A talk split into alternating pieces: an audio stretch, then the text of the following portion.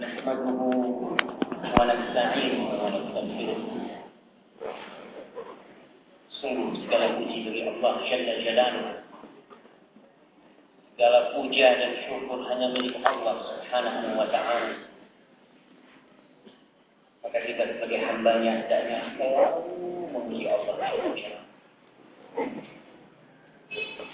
Karena memang hanya Allah yang patut hanya Allah Azza wa Jalla yang layak mendapatkan syukur dan pujaan dari kita. Kita selalu memuji Allah. Kita memohon pertolongan kepada Allah Jalla Jalaluh. Dan kita memohon ampunan padanya. Karena terlalu banyak kita. Dan terlalu besar rahmat Allah Jalla Jalaluh. Betapa banyaknya nikmat yang Allah berikan kepada kita.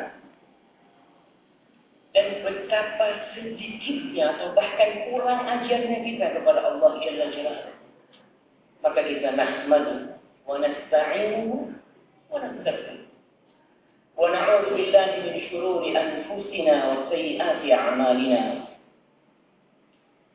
Dan kita berlindung kepada Allah Subhanahu wa taala dari kejahatan jiwa kita, dari bisikan-bisikan jelek diri kita. Kita juga berlindung kepada Allah Jalla Jalaluh dari akibat buruk perbuatan dosa dan kesalahan kita. May yahdillah fala mudilla wa may yudlilhu fala hadiya. Siapa yang diberi petunjuk oleh Allah Jalla. Barang siapa yang diberi cahaya oleh Allah Subhanahu wa taala dalam mengarungi kehidupan ini. Barang siapa yang mendapatkan petunjuk ilahi maka andai sejuta preman datang kepada dia. Sejuta setan dan iblis mau menyesatkan dia, maka dia akan tetap berada di atas petunjuk ilahi. Karena Allah telah memberikan hidayah kepada dia. Maka bersyukurlah kepada Allah atas hidayah yang Allah berikan. Karena murni itu kebaikan Allah kepada kita. May yudlilhu fala hadiyalah. Dan sebaliknya mereka yang Allah sesatkan yang mereka salah memilih jalan dalam kehidupan ini, salah berteman, salah milih kajian, sehingga dia tersesat dalam kehidupan ini. Andai cerita Ustaz dari Madinah datang memberikan nasihat kepada dia, memberikan petuah kepada kita, dia akan tetap tenggelam dalam kesesatannya. Kalau Allah tidak mengizinkan dan memberikan hidayah kepada kita. Maka bersyukurlah Ketika kita melihat teman-teman kita tersesat. Maka boleh Alhamdulillah Alladhi hadana lihada wa ma kunna linahtadiya laula an hadana Allah. Kita tidak akan bisa berada di atas hidayah ini kalau bukan karena Allah Jalla Jalla. أشهد أن لا إله إلا الله وأشهد أن محمدا عبده ورسوله saya bersaksi bahwa tiada yang berhak disembah kecuali Allah Jalla Jalla. Tidak sekutu bagi. Dia esa hanya dia yang berhak untuk mendapatkan segala pengabdian itu. Karena dia yang menciptakan kita. Dia yang memberikan rezeki kepada kita. Dia yang menghidupkan kita. Dia yang memberikan segala-galanya. Maka saya bersaksi bahwa tiada yang berhak mendapatkan pengabdian dari kita, penghambaan kita kecuali Allah Jalla Jalal tiada bagi.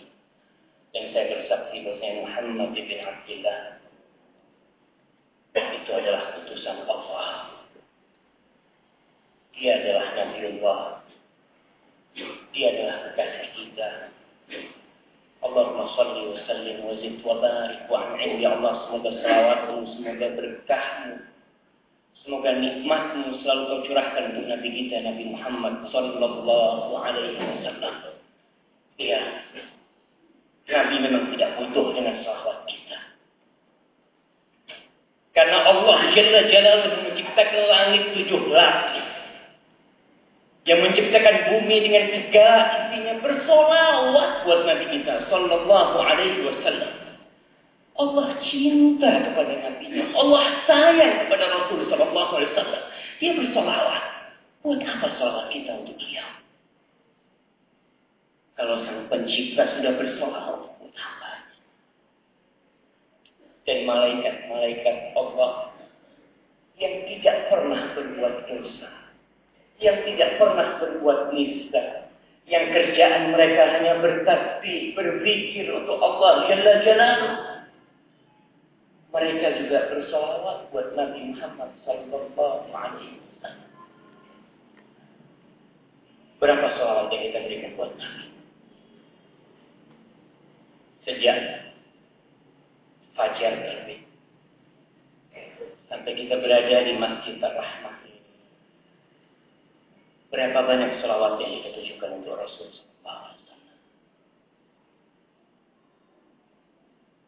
Seratus. Ada yang dari tadi pagi sampai sekarang seratus selawatnya buat Nabi. Sekarang kita levelnya di atas seribu.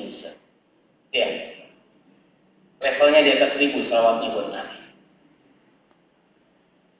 Allah mengatakan, Inna Allah wa malaikatahu yusalluna ala nabi Sesungguhnya Allah dan para malaikatnya bersolawat. Ya ayyuhalladzina amanu Sallu alaihi wa sallimu taslima. Wahai orang-orang yang beriman kata Allah. Memanggil yang beriman. Allah memanggil yang mukmin kepada dia. Kalian salawatlah dan bersalam. Perintah dari Allah Jalla. Allah memberikan kehormatan kepada kita untuk bisa bersolawat kepada Nabi kita. Walaupun Allah pun sudah bersolawat untuknya dan para malaikatnya. Jangan bahin-bahin kita. Jangan untuk sholat. Bayangkan Ubay bin Ka'ab. Ubay bin Ka'ab, sahabat Nabi Muhammad Sallallahu Alaihi Wasallam. Seorang penulis wahyu. Dia datang kepada Nabi kita Muhammad Sallallahu Alaihi Wasallam berkata, Ya Rasulullah, inni uksiru salata alaih. Wahai Rasulullah, aku banyak bersalawat untukmu, wahai Nabi. Fakam laka min salati. Berapa banyak dari doaku yang aku harus tujukan untukmu, wahai Nabi. Iya, berapa banyak ya Rasul? Akhirnya, masih kata Nabi, terserah engkau. Ubay mengatakan, rubuha ya Rasul. Gimana kalau seperempat dari permohonanku kepada Allah Jalla Jalla dari doa-doa yang aku panjatkan kepada Rabb Azza wa Jal, aku tujukan untukmu wahai Nabi. Seperempat. Apa kata Nabi? Masyidta. Terserah kamu wahai Ubay. Fa in zidta fa huwa khair. Kalau kau baik, itu lebih baik. Maka Ubay mendapatkan tangan dari Rasul SAW mengatakan, Idan nisbah. Kalau gitu Rasul separuh dari Doa yang kupanjatkan salawat untuk Rasul mengatakan masyidda. Terserah engkau wahai Ubay. Iya terserah Ubay. Karena dia orang merdeka. Salah satu hamba Allah yang ingin berbuat baik kepada Nabi. Nabi mengatakan masyidda terserah engkau wahai Ubay. Fa'in zidda bahwa khair. Kalau kau tambah itu lebih baik buat Ubay kembali mengatakan, Idan surutaiha ya Rasul. Kalau itu dua per tiga dari doa yang aku panjatkan adalah salawat untuk wahai Nabi. Nabi kembali mengatakan, Masyidda terserah engkau wahai Ubay. Fa'in zidda fahuwa khair. Terserah engkau wahai Ubay. Kalau kau tambahkan itu lebih baik buat engkau wahai Ubay. Allahumma salli wa sallim wa zik wa barik ala Nabi Muhammad sallallahu alaihi wasallam mendapat tantangan yang lebih besar. Ubay mengatakan, "Idzan, kalau begitu wahai Rasulullah sallallahu alaihi wasallam, aj'al laka min salati kullaha."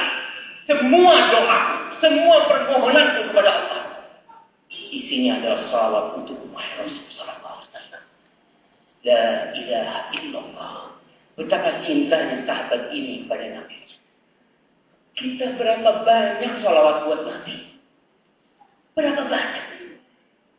Jangan selalu mengatakan yang sholawat-sholawat itu bukan ahlu sunnah. La ilaha illallah.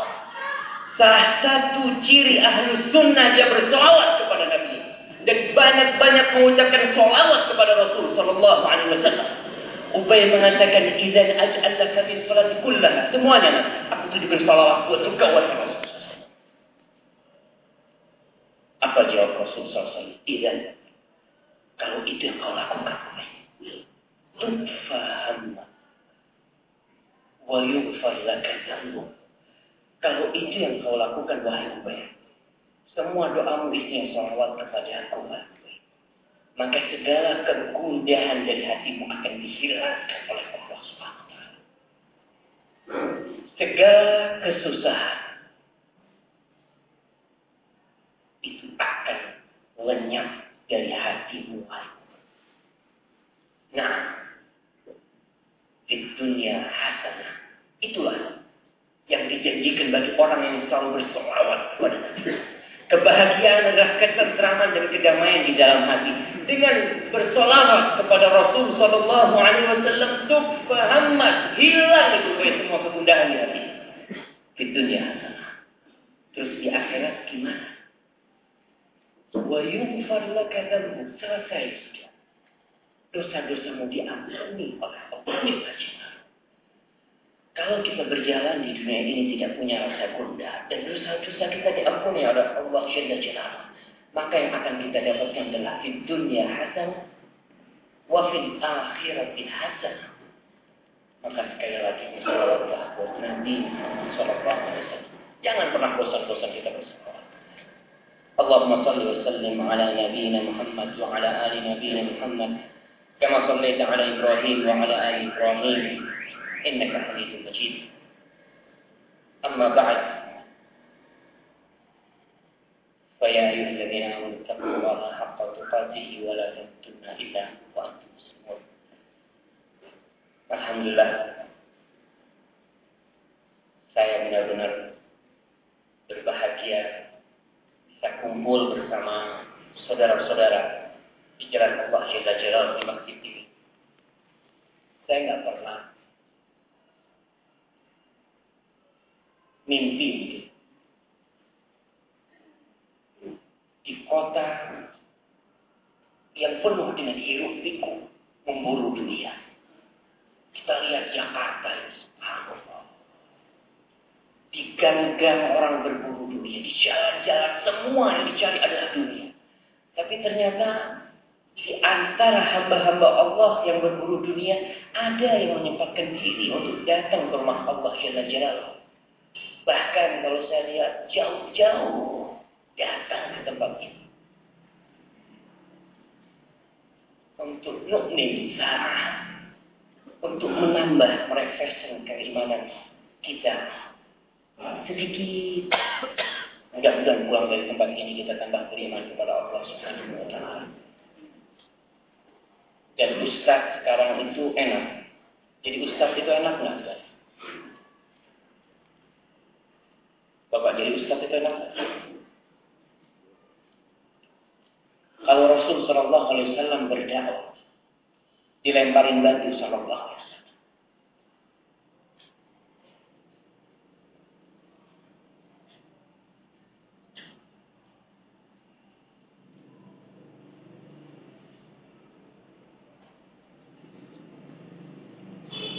Rasul Shallallahu Alaihi Wasallam sholat ditaruh di punggungnya.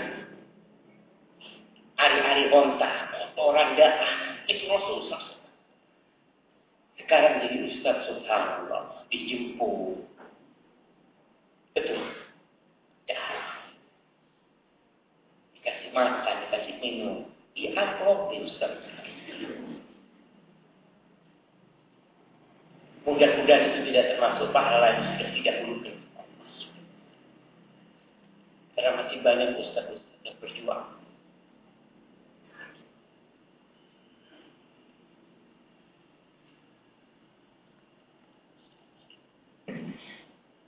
Nah,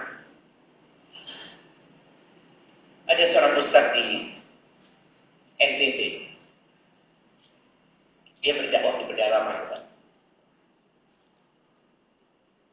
Dia dapat gaji sebulan 250 ribu. Dia seminggu dua minggu habis uang. Dia hidup sama istrinya. Dia di pedalaman di hutan-hutan.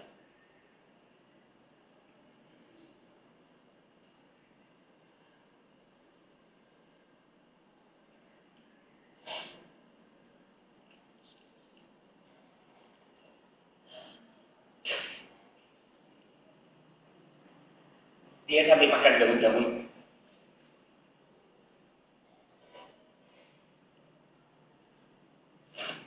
Dia mengajak orang-orang yang belum tahu sama Allah. Orang-orang yang masih animisme, yang masih menyebah kol-kol nanti. Sampai makannya daun-daunan.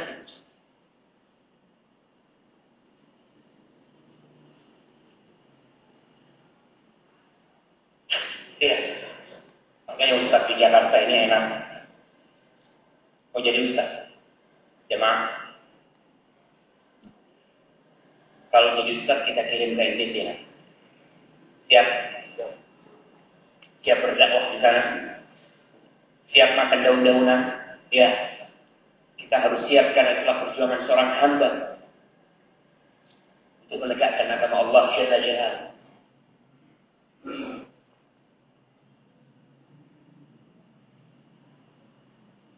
supaya ustaz ini akan-akan berada di hutan. Jadi sama panitia dikasih kembang-kembang ustaznya. Iya, panitianya mana? Ini.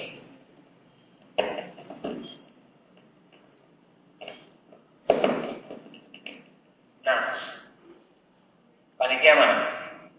Ini bunga ditaruh memang untuk mengingat memori Ustaz waktu di hutan dulu mungkin Ustaz Ustaznya. Ya kalau enggak ditaruh aja di kembangnya. Karena saya nggak bisa melihat jemaah-jemaah yang di sini. Nah, alhamdulillah. Masya Allah. Sekarang kita kelihatan semua.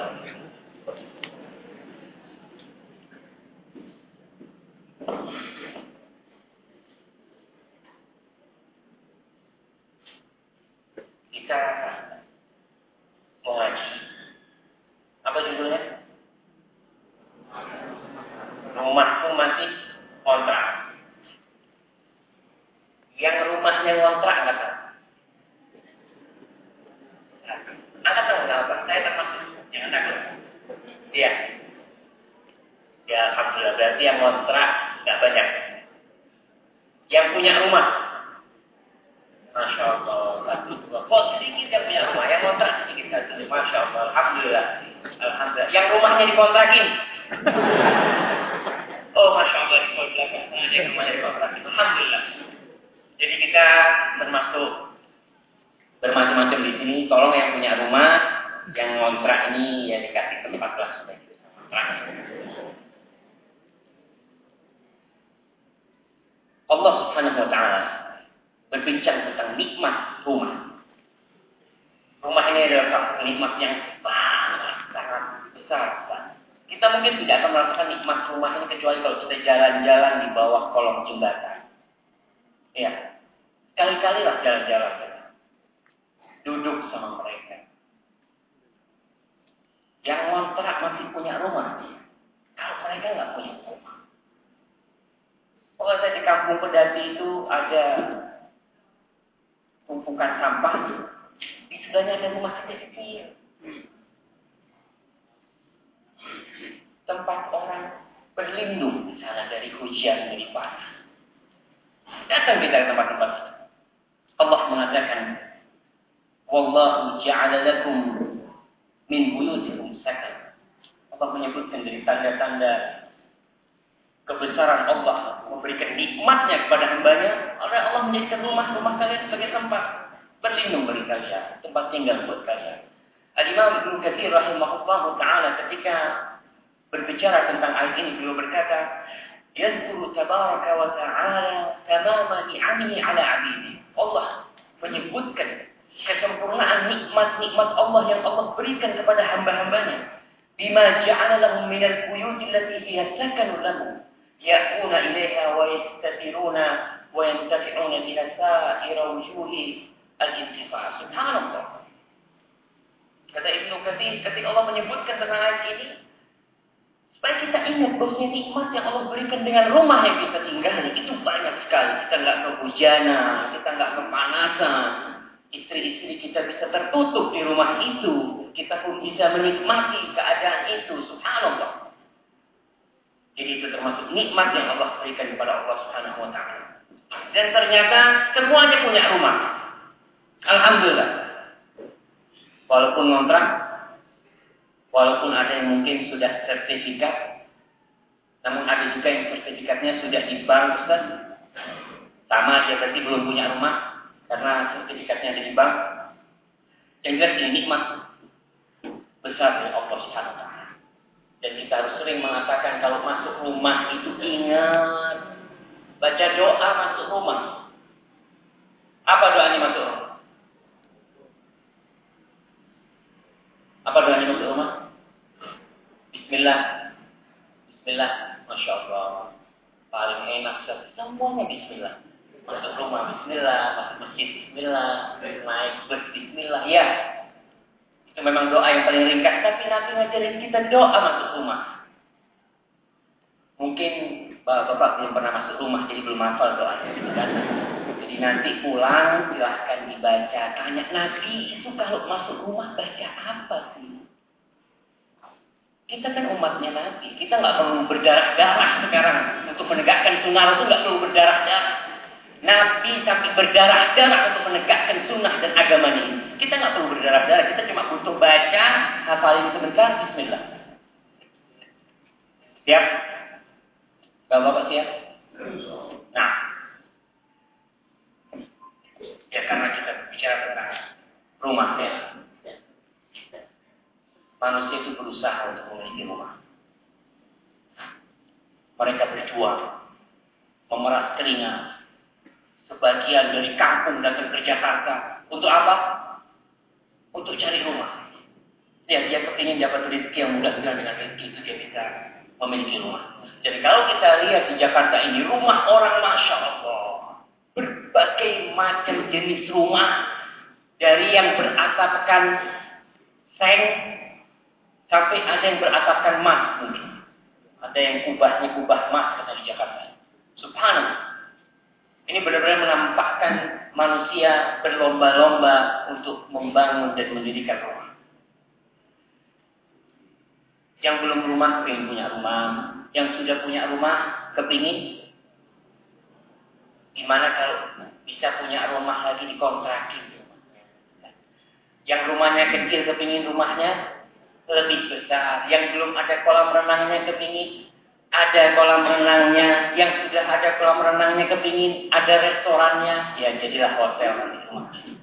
Nah itulah yang terjadi manusia. Manusia memiliki keinginan yang tidak pernah berhenti.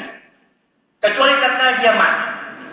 Oleh karena itu kenapa orang yang sudah punya satu rumah, punya dua rumah, punya tiga rumah, bahkan ada yang punya sepuluh rumah. Halal enggak? Halal Bapak. Kita sudah punya rumah sepuluh, kepingin punya rumah yang ke sebelah. Halal enggak? Halal enggak? Halal. Kalau hasilnya korupsi. Lihat itu halal kalau dari hasil yang halal. Kalau kita memang tak kalah membangun rumah itu memang dari keringat kita. Insya Allah kita. Tapi kalau ternyata dari hasil-hasil yang tidak jelas untuk Allah akan membenci rumah itu. Dan yang berada di rumah itu pun akan selalu penuh dengan kebencian karena tumbuh dari barang haram. Nah, ada sebagian orang nabung dari kecil. Nabung dari muda ke mana? Kenapa? Saya Ustaz kepingin punya rumah. Dia nabung terus sampai umur 30 nggak kali-kali. Kenapa? Belum punya rumah Ustaz. Subhanallah. Terus kalau sampai umur 60 nggak punya rumah, Ya, tapi mikir Ustaz. Subhanallah. Maka orang yang punya rumah nggak harus yang nggak punya rumah. Jangan takut untuk menikah. Jangan takut untuk menikah. Yang nggak punya rumah jangan takut untuk menikah. Karena istri kita bawa rezeki sendiri. Siapa tahu istrinya sudah punya rumah. Ya, cari perempuan-perempuan yang sudah punya rumah, alhamdulillah. Jadi kita bisa numpang di rumahnya. Satu hal yang perlu kita ingat sekarang. Sebaik apa pun rumah yang kita dirikan. Semegah apa pun rumah yang kita miliki. Sebesar apa pun, sepandai apa pun yang membangun rumah itu pasti akan datang suatu saat kita keluar dari rumah ini. Itu satu kepastian dari Allah Subhanahu wa taala yang tidak bisa dipungkiri. Jadi pada hakikatnya sama. Yang ngontrak dan yang tidak ngontrak, dia sama-sama ngontrak. Karena satu saat, kalau bukan rumahnya yang digusur, dia yang akan dikeluarkan oleh keluarganya dari rumah ini. Dia bapak akan bangun rumah ini terima kasih. Tapi hari ini kau harus keluar dari rumah. Karena tempatmu sudah di kuburan. Betul tidak? Iya. Jadi bapak-bapak harus tahu yang capek-capek bangun rumah buat anak dan istrinya. Ingat satu hari bapak akan keluar dari rumah. Dan ibu-ibu pun seperti itu. Rumah yang dihiasi dengan berbagai macam keindahan. Itu suatu hari ibu akan meninggalkan rumah itu. Karena ibu hanya ngontrak di rumah itu. Dan biasanya orang kalau tahu tinggal di rumah kontrakan. Itu bocor dibiarin. Nanti ya rumah kontrakan aja. Betul. Mau banjir ya rumah kontrakan aja. Iya betul. Kita ngontrak. Maka jangan terlalu mikirin masalah rumah karena rumah kita hanya ngontrak. Dan kita sudah melihat bagaimana orang-orang berduit yang sudah meninggalkan rumah kontrakan. Mungkin siapa orang terkaya di dunia sekarang? Yang mati kemarin yang punya Apple? Siapa? Masya Allah, hafal semuanya. Nah, Steve, siapa? Ya, itulah namanya. Dia uangnya MMA. Rumahnya sudah enggak bisa dibayangkan indahnya. Tapi dia harus keluar dari rumah itu. Ke mana? Bisa tempat. Karena semuanya hanya ngontrak. Dan kalau kita lihat umat-umat sebelum Islam, ya, kaum Samud, Allah menceritakan tentang mereka bagaimana rumah mereka yang mewah-mewah. Mereka membuat rumah di gunung-gunung dipahat sama mereka. Istana-istana di lembah mereka bikin. Kemudian Allah mengatakan tentang mereka fa'asbahu fi darihim ini Mereka jadi fi darihim ini mereka sudah hilang menjadi bangkai-bangkai di rumah mereka. Selesai sudah kontrakan. Maka ingat kita semua kontrak di tempatnya. Fir'aun, iya Fir'aun. Bagaimana Fir'aun dengan istananya di Mesir? Tentara-tentaranya pejabat-pejabatnya yang rumahnya mewah-mewah di depan sungai Nil. Semuanya harus keluar dari rumahnya dan tidak pernah kembali ke rumah mereka. Kenapa? Karena mereka masa kontraknya sudah Kalau gitu gimana Ustaz supaya kita punya rumah yang nggak ngontrak? Ada yang ingin punya rumah nggak ngontrak? Bapak-bapak, kepingin punya rumah yang tidak kontrak. Masya Allah. Sekarang orang mau punya rumah harus nyicil ya. Dia nyicil sampai mati kadang-kadang cicilannya belum lunas. Ada yang seperti itu. Kepingin. Ya apalagi rumah yang bukan rumah kontrakan. Rumah yang akan saya tawarkan ini. Subhanallah, saya ini bukan dari bank ya dan sedang menawarkan rumah yang modelnya macam-macam tapi yang akan saya tawarkan ini dia sebuah rumah saya akan bacakan bagaimana model rumah yang akan saya tawarkan kepada bapak-bapak dan ibu-ibu kepada kaum muslimin tentunya rumah ini bangunannya adalah kokoh dan indah masalah bangunan dijamin catnya tidak pernah pudar ya bunga-bunga dan tanamannya subhanallah tidak pernah lalu Bentuknya tidak pernah membosankan. Kita tidak akan jenuh kalau tinggal di rumah. bangunannya tersusun. Bata bangunannya tersusun dari perak dan dari emas. Bahan perekatnya adalah minyak tersebut. Kerikilnya, kerikil yang ada di rumah yang saya tawarkan ini dari mutiara dan permata. Kalau mutiara dijual di toko di sini, di rumah yang saya akan tawarkan bapak-bapak dan ibu-ibu ini, kerikilnya mutiara dan permata. Debunya adalah za'faron, subhanallah. Buahnya tidak pernah berhenti berbuah. Sungai-sungai mengalir di bawahnya, subhanallah. Yang memasuki rumah ini tidak akan pernah tertimpa duka dan kesedihan. Tidak ada. Kalau masuk rumah di dunia, bawa bapak dimarahin istrinya. Ya pak, penghasilannya kok berkurang ini. Ah, bapak ada main ini mungkin, gitu kan? Ini rumah tidak, tidak ada kesusahan dan kegundahan. Setiap masuk ke rumah, hilang itu kesusahan dan kegundahan. Ada yang mau? Siap nabung? Siap nyicil? Sampai mati siap nyicil? Apa? Ya, istri Nabi sudah mendapatkan rumah ini. Istri Nabi yang sangat beliau cintai yang selalu berjuang untuk Rasul Shallallahu Alaihi Wasallam dikala orang-orang mendustakan yang dia berjuang dengan semua harta bahkan jiwanya dia siap untuk dikorbankan demi tegaknya agama Allah Subhanahu Wa Taala ini dia sudah mendapatkan rumah siapa nama istri Nabi Masya Allah Khadijah binti Khuwailid radhiyallahu taala anha iya dia telah mendapatkan salah satu rumah yang tadi kita sebutkan. Dan info pemberian rumah itu ketika dia masih hidup di dunia. Ketika dia masih berjalan di muka bumi ini, malaikat Jibril alaihissalam menginformasikan kepada Nabi Muhammad, dia dapat rumah itu pada Rasulullah SAW. Namun rumah itu bukan di kota Mekah yang tersana. Iya, rumah itu juga bukan mungkin di sini di Pondok Indah. Tidak, rumah itu bukan di Bandung, bukan di Puncak, bukan di Bogor, bukan di muka bumi ini dan bukan di Ikea. Tapi di mana rumah? Di surga jannah yang Allah sediakan untuk orang-orang yang beriman. Surga yang luasnya seluas langit dan bumi. An Abi Hurairah radhiyallahu taala anhu qala Ata Jibril النبي صلى الله عليه وسلم فقال يا رسول الله هذه خديجة قد أتت معها إناء فيه إدام أو طعام أو شراب فإذا هي أتتك فاقرأ عليها السلام من ربها ومني وبشرها ببيت في الجنة من قصب لا سخط فيه ولا نصب سبحان الله هذه رواية البخاري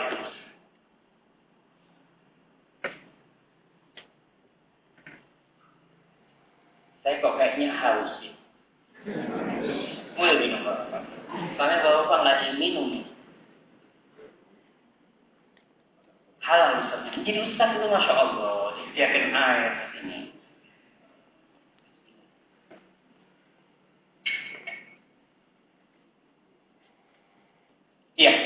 kita melanjutkan rumah yang Allah berikan kepada Khadijah. Abu Hurairah menceritakan bahwasanya Suatu hari datang Jibril alaihissalam kepada Nabi Muhammad SAW dan mereka Jibril berkata, wahai Rasulullah, ini Khadijah lagi datang. Subhanallah, lihat istri yang soleh. Khadijah lagi datang bawa makanan atau minuman atau lauk-lauk dia. Kalau dia datang, Allah Allah. Kalau dia datang, fakra alaiha min rabbiha salam. Katakan kepada Khadijah bahwasanya Allah kirim salam La ilaha Allah yang menciptakan langit dan yang menciptakan surga dan neraka itu kirim salam buat Khadijah. Betapa mulianya dan dicintainya Khadijah oleh Allah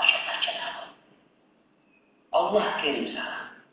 Wa minni salam. Dan aku juga kirim salam, kata malaikat Jibril. Kemudian yang ketiga, Wabasyirah dan berikan kabar gembira kepada Khadijah itu dengan sebuah rumah yang terbuat dari mutiara. yang tidak ada kesedihan, tidak ada kegundahan, tidak ada kata-kata tercela. Subhanallah. Khadijah telah mendapatkan rumah itu dan mudah-mudahan kita bisa dikumpul dengan Allah bersama Khadijah dan Rasul Sallallahu Alaihi Wasallam di surga.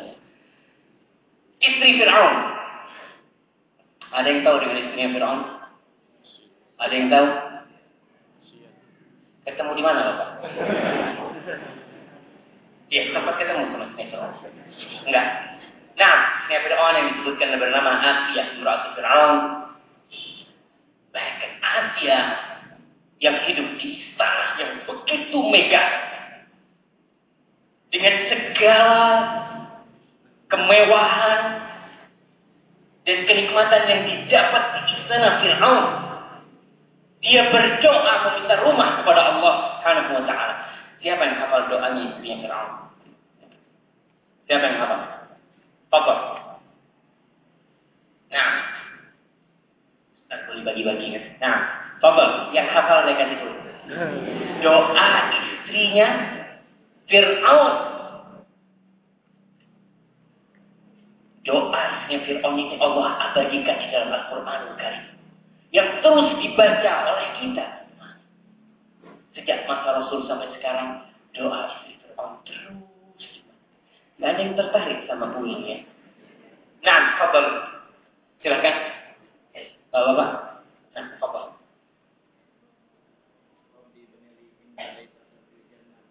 Bnili indaka baitan fil jannah. Wa min al-qawm min fir'aun wa amali wa min al-qawm al-zalimin.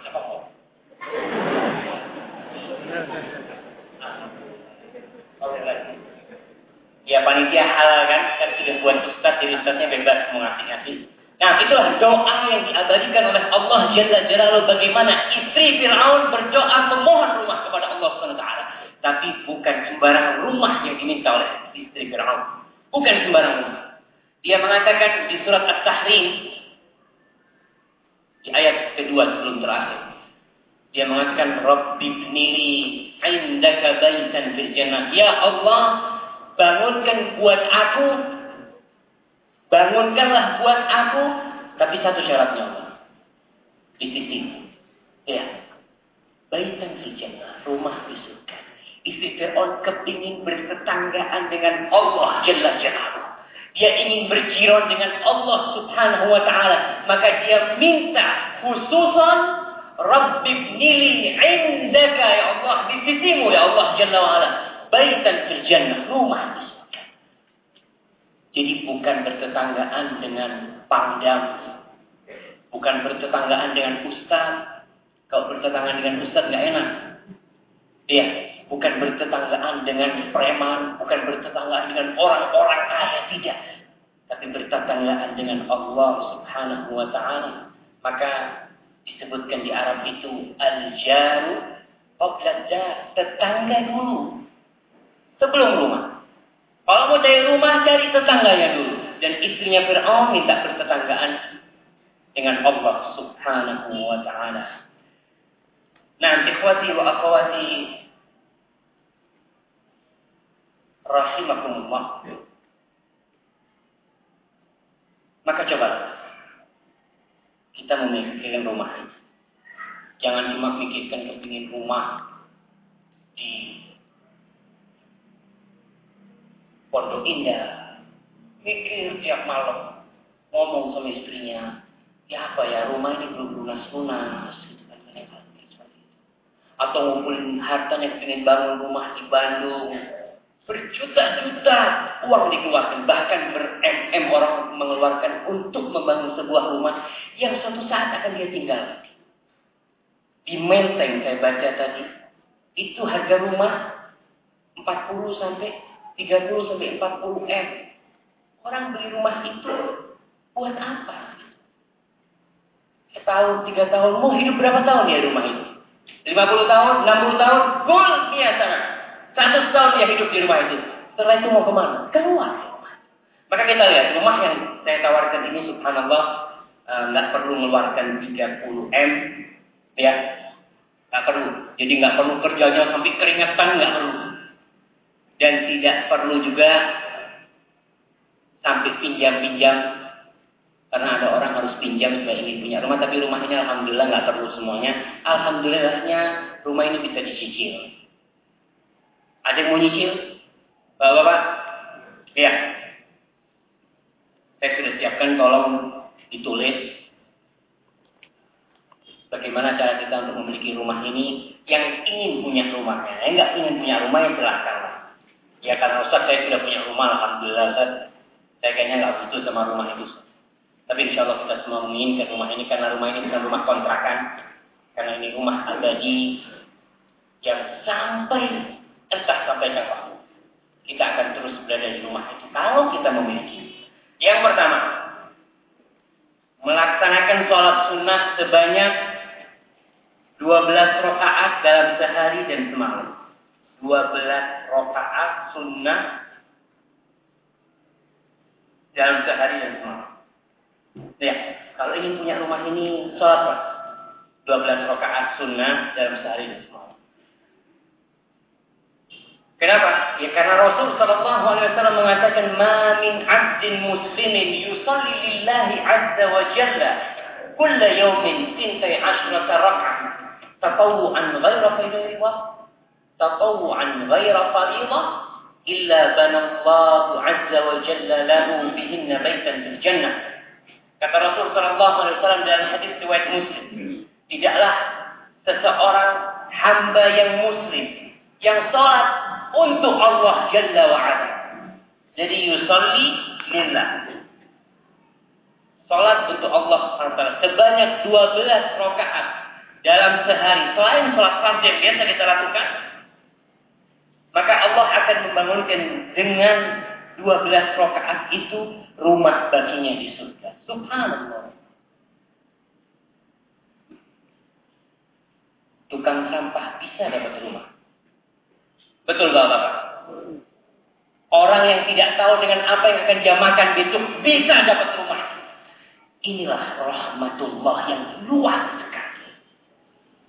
Karena dunia ini sijnul mukmin Dunia ini penjara bagi orang mukmin.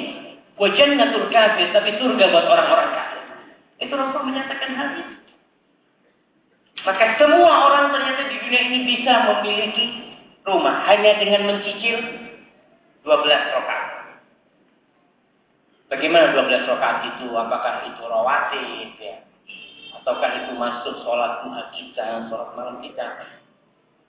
عن عائشة رضي الله تعالى عنها قالت قال Rasulullah sallallahu alaihi wasallam man kabara ala كابر على rak'ah عشرة Sunnah. السنة lahu baitan fil jannah في الجنة terus-terusan dia menjaga 12 rakaat salat sunnah, maka Allah akan membagi membangunkan baginya rumah di surga. Arba rakaatin qabla dhuhri, 4 rakaat sebelum zuhur. Wa ba'daha dan dua rakaat setelahnya. Wa raka'ataini ba'dal maghrib dan dua rakaat setelah maghrib. Wa raka'ataini ba'dal isya dan dua rakaat setelah salat isya. Wa raka'ataini qabla al-fajr dan dua rakaat sebelum subuh berapa? 12 rakaat. Gimana kalau ketinggalan? Cicilannya kurang. Iya, kadang kala orang yang namanya orang nyicil ya, pas akhir bulan datang, aduh uangnya dipakai gitu kan. Kita mungkin pas sebelum zuhur lupa atau sampai masjid sudah sholat gitu kan.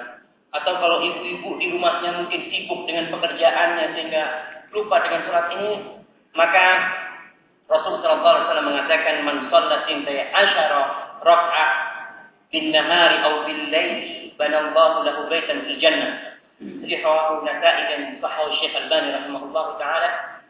Barang siapa yang sholat 12 rakaat di malam dan di siang hari, maka Allah akan membangunkan baginya rumah.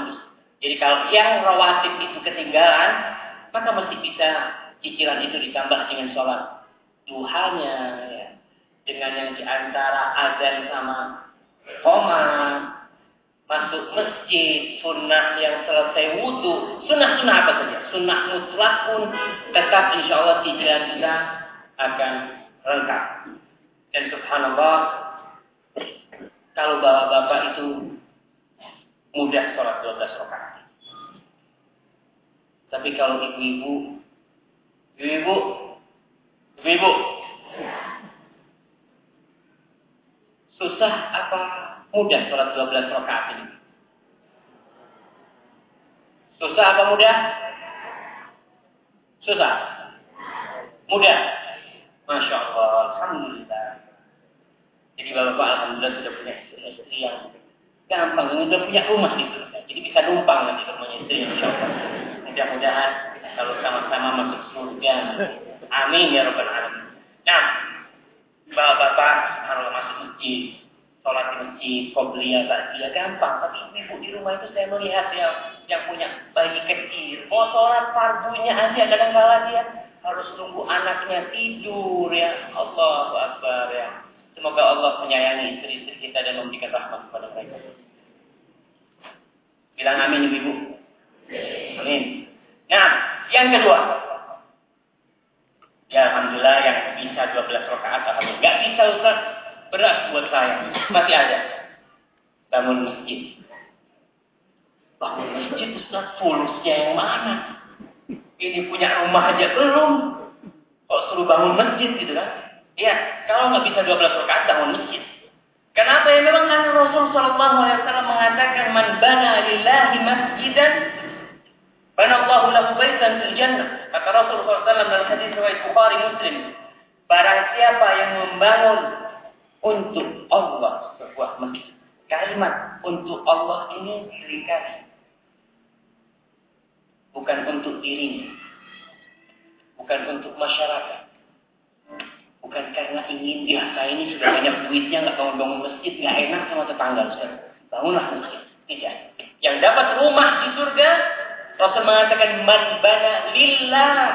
Yang membangun buat Allah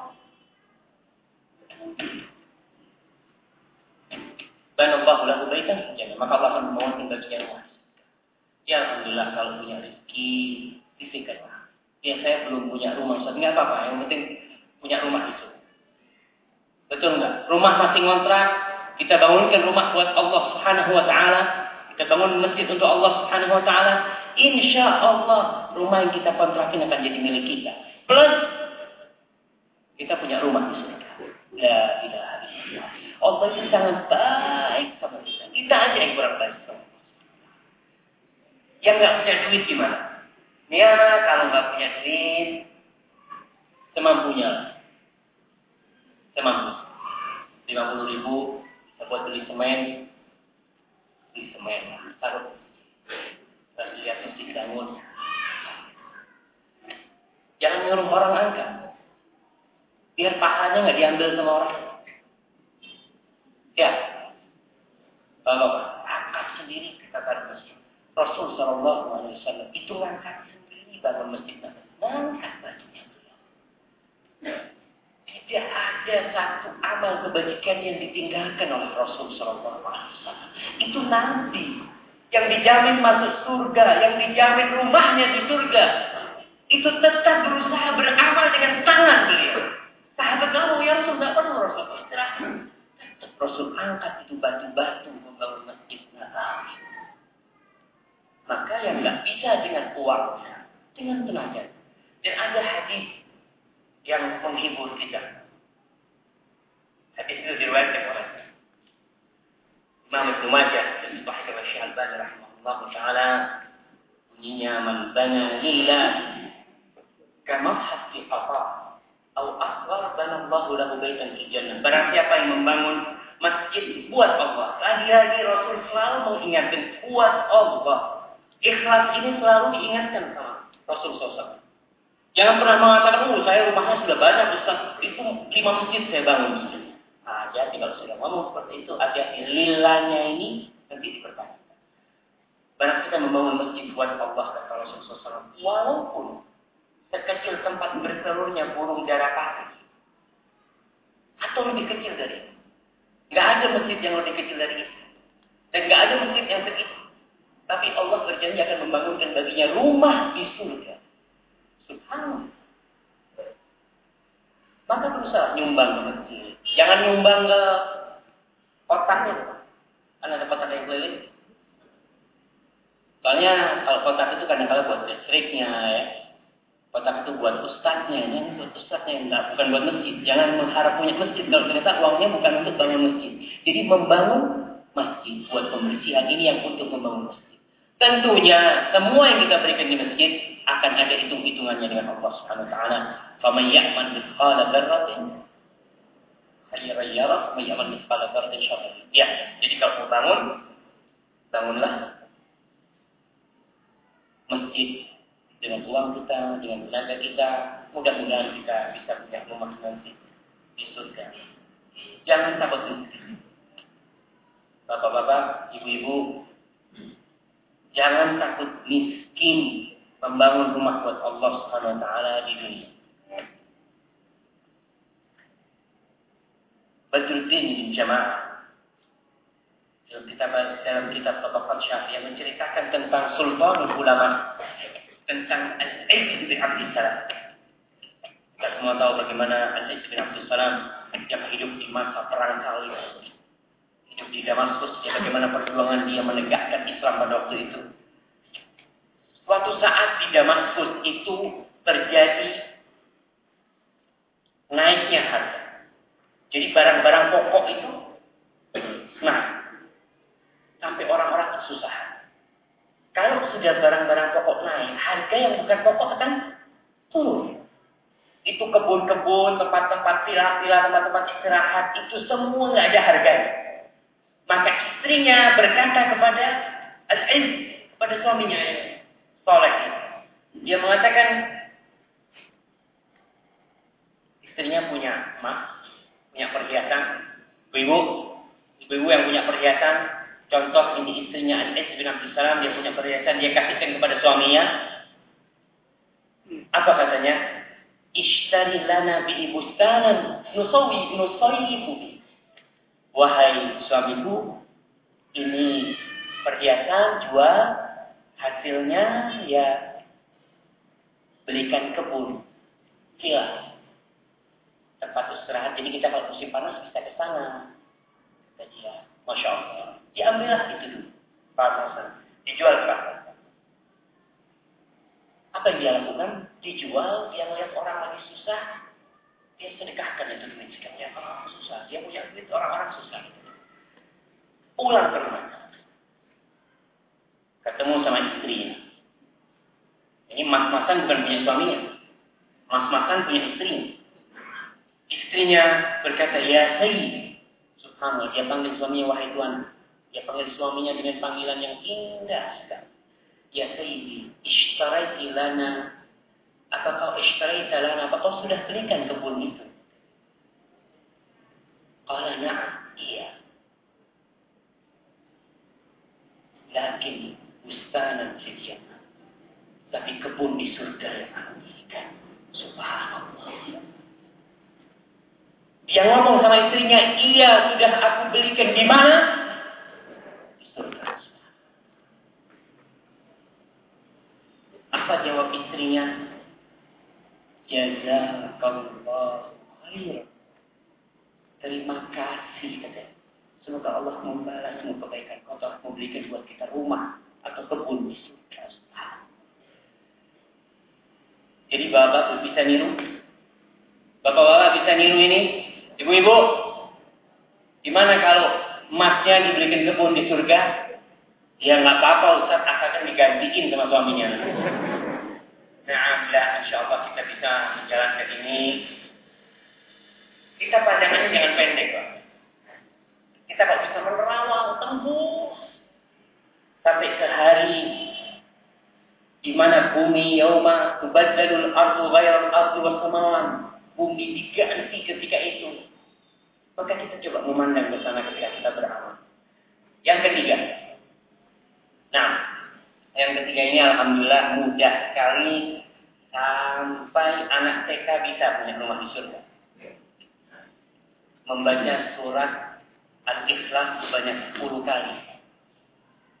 Subhanallah. Betul itu hadisnya Ustaz. Simak sabda Rasul sallallahu alaihi wasallam.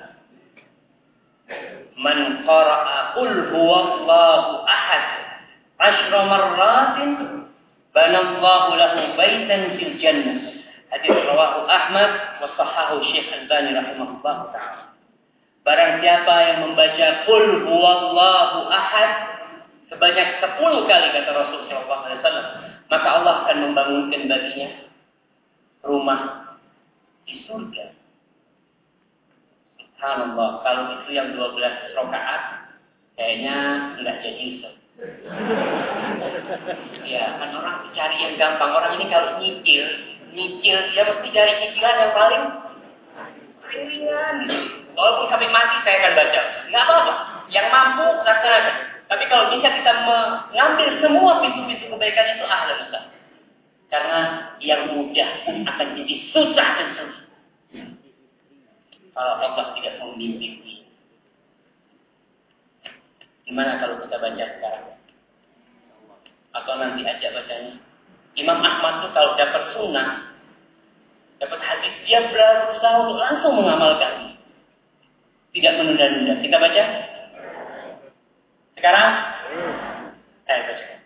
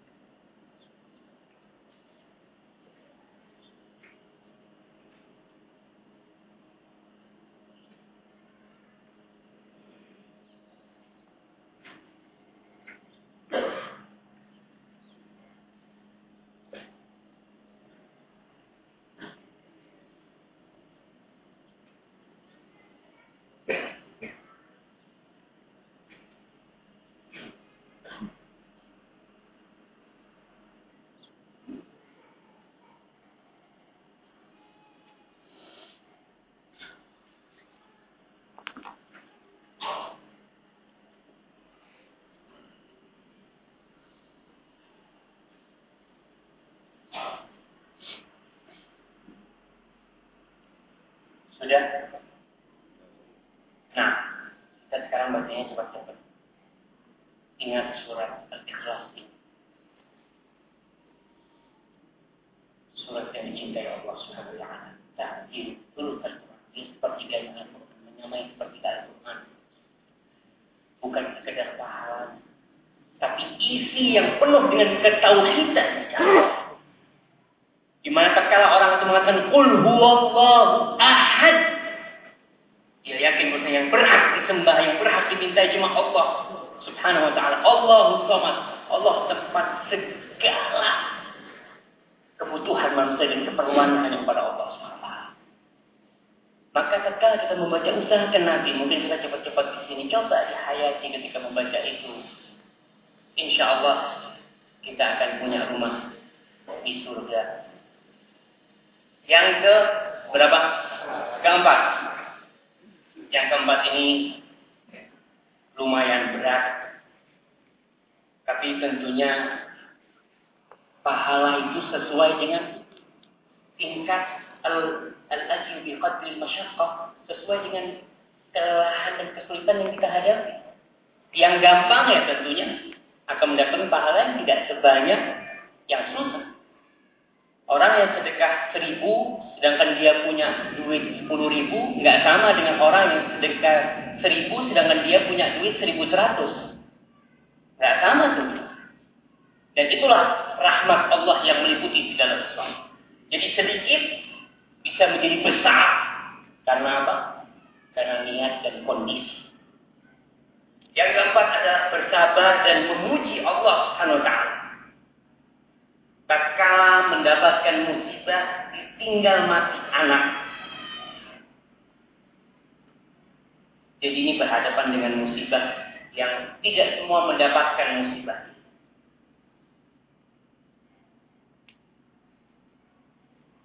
Dan perkara ini susah. Kita mau bersyukur. Ini bukan hanya bersabar, tingkatannya sudah naik bersyukur kepada Allah, memuji Allah SWT, memujanya karena memang hanya Allah apa pun yang terjadi, bagaimanapun kondisi hidup kita, tetap alhamdulillah, gak akan pernah berubah. Ujian itu tetap milik Allah